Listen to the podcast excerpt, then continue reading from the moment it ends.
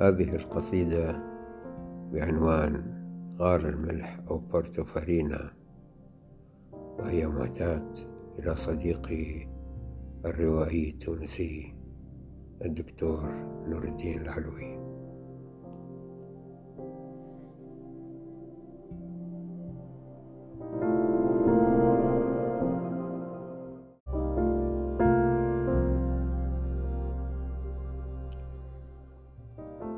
غار الملح قصيدة لحكمة الحال.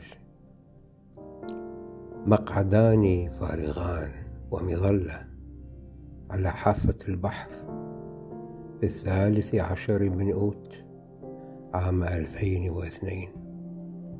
وعلى مقربة مني رجل يترقب بلا مظلة ومقعده فارغ.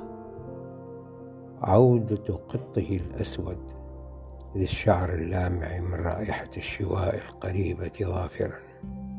وامرأة تترقب إلى يميني باعة الهندي كيف تلمع سكاكينهم القصيرة تحت شمس الشاطئ؟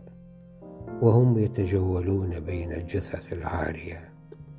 تاريخ صلاح الدين ما زال في جيبي.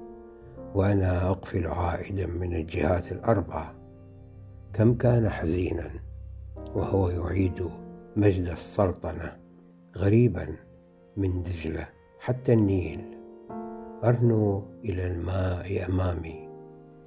لا معجزة تنبع من تحت الأرض اليوم إلا معجزة واحدة وهي أني أتذكرك وتلك هي أو ذاك هو.